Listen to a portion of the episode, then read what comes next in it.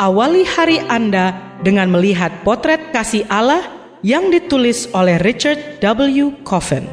Melalui renungan pagi ini, kita akan mempelajari karakter Allah yang menuntun kita kepada kasihnya. Bersama Pendeta Andre Daimbani, selamat mendengarkan. Shalom, selamat pagi saudaraku. Renungan pagi kita hari ini 14 Agustus berjudul Sejauh ini. Ayat intinya diambil dari Matius 25 ayat 40. Demikian firman Tuhan. Aku berkata kepadamu, sesungguhnya segala sesuatu yang kamu lakukan untuk salah seorang dari saudaraku yang paling hina ini, kamu telah melakukannya untuk aku. Mari kita dengarkan penjelasannya. Mungkin saja orang menantikan Advent yang kedua tanpa melakukan persiapan yang sangat diperlukan untuk itu. Untuk menggambarkan maksud ini, Yesus berbicara tentang seorang gembala yang memisahkan kambing dari domba, sesuatu yang dilakukan oleh para gembala setiap malam, karena pada siang hari kambing-kambing dan domba-domba bercampur dalam satu kawanan. Memang kambing mungkin kelihatan lebih cerdik ketimbang domba dan dibiarkan memimpin kawanan yang bebal itu. Domba-domba yang keras kepala yang cenderung berkeliaran sendiri jika tidak ada kambing untuk mereka ikuti. Ketika gembala memisahkan domba dari kambing, domba-domba ada di sebelah kanannya sedangkan kambing di sebelah kirinya. Pemisahan inilah yang digunakan oleh Yesus sebagai ilustrasi bahwa kedatangan kedua akan mengungkapkan karakter asli dari kawanannya. Akankah orang Kristen di sebelah kanannya terlihat berbeda dari yang berada di sebelah kirinya? Pada masa kini, domba terlihat nyata bedanya dari kambing, tapi pada zaman Alkitab, perbedaan itu tak terlihat jelas. Bagaimanakah caranya sang gembala membedakan dua kelompok ternak ini? Apakah domba berbunyi ba dan kambing berbunyi be? Tidak. Mereka yang berada di sebelah kanannya akan menunjukkan sikap yang berbeda.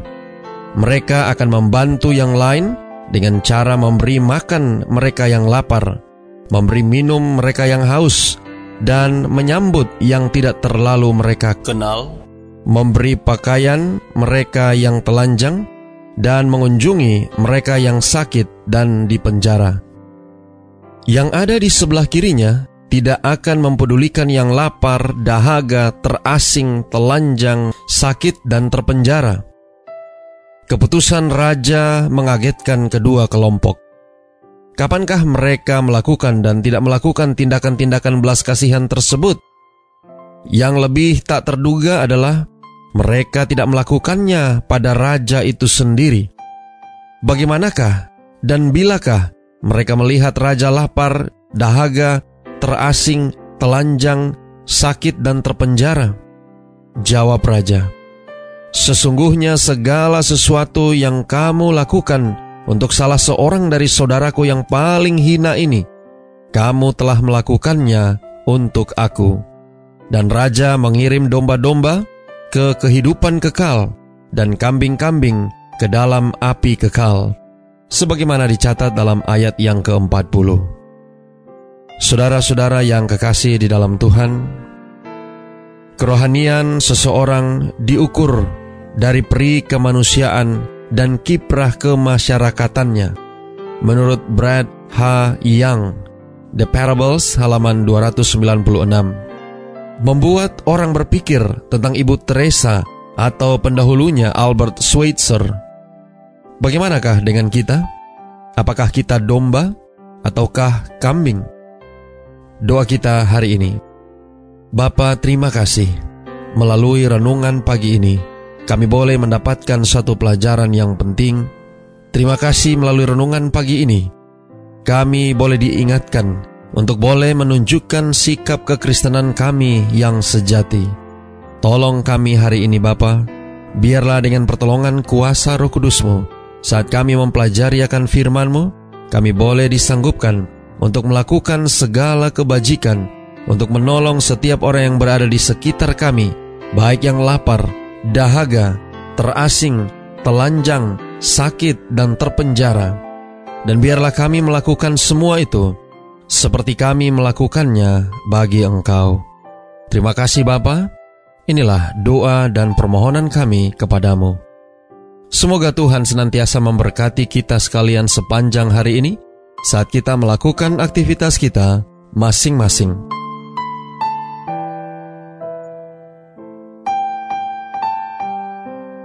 Demikianlah tadi pembahasan tentang potret kasih Allah. Semoga firman Tuhan hari ini dapat menjadi berkat bagi Anda. Sampai jumpa, Tuhan memberkati.